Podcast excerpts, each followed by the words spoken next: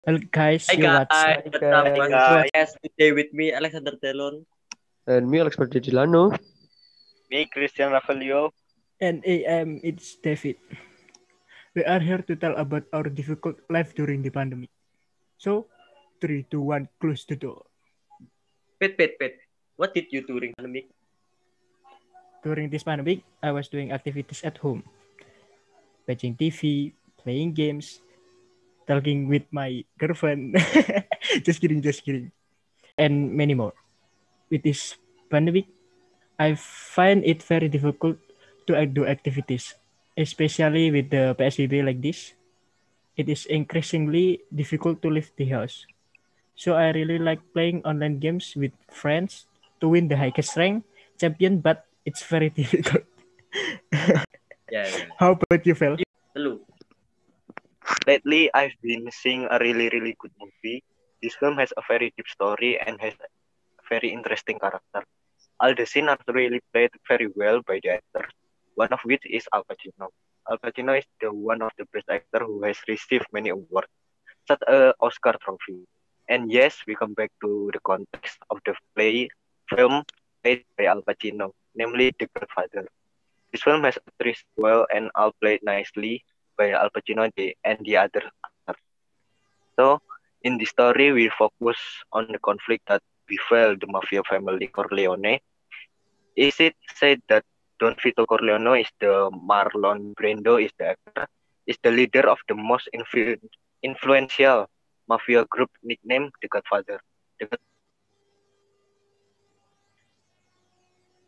elite business in the field of prostitution, drugs, gambling, and others. In carrying out his daily life, the Godfather runs a business by taking turns meeting guests. These guests come to ask for help, offer of cooperation, or use the service of the business they run. One day, during the, the son wedding, apart of receiving guests, the, the Godfather also continued to serve requests from his from his client on the on one of the client who came is Soloso, a drug dealer from Tat- Tataglia of family, offered to cooperate. Unfortunately, this offer cooperation was rejected by Godfather and made Soloso furious. Heartbroken, Soloso then ordered his men to shoot the Godfather. The Godfather was hit by bullet in his chest, but his life was saved. During his recovery period, the Godfather practically could not could no longer carry out his leadership. His first son, Sonny, or James Cam, is the actor, then deserved to collapse his son, son. Michael, his first son, Sonny, then success his father, but under the leadership the family business was on the verge of collapse. His second son, Michael, then proposed to kill Soloso and the plan success. However, because of this action, Michael became the target of murder and had to temporarily flee to Italy. The conflict heats up war between the Corleone and Tattaglia mafia families in inevitable. Wow, wow, that's a very interesting film. Yeah, I know this this film is very very good and I recommend for you. What about you, Dylan?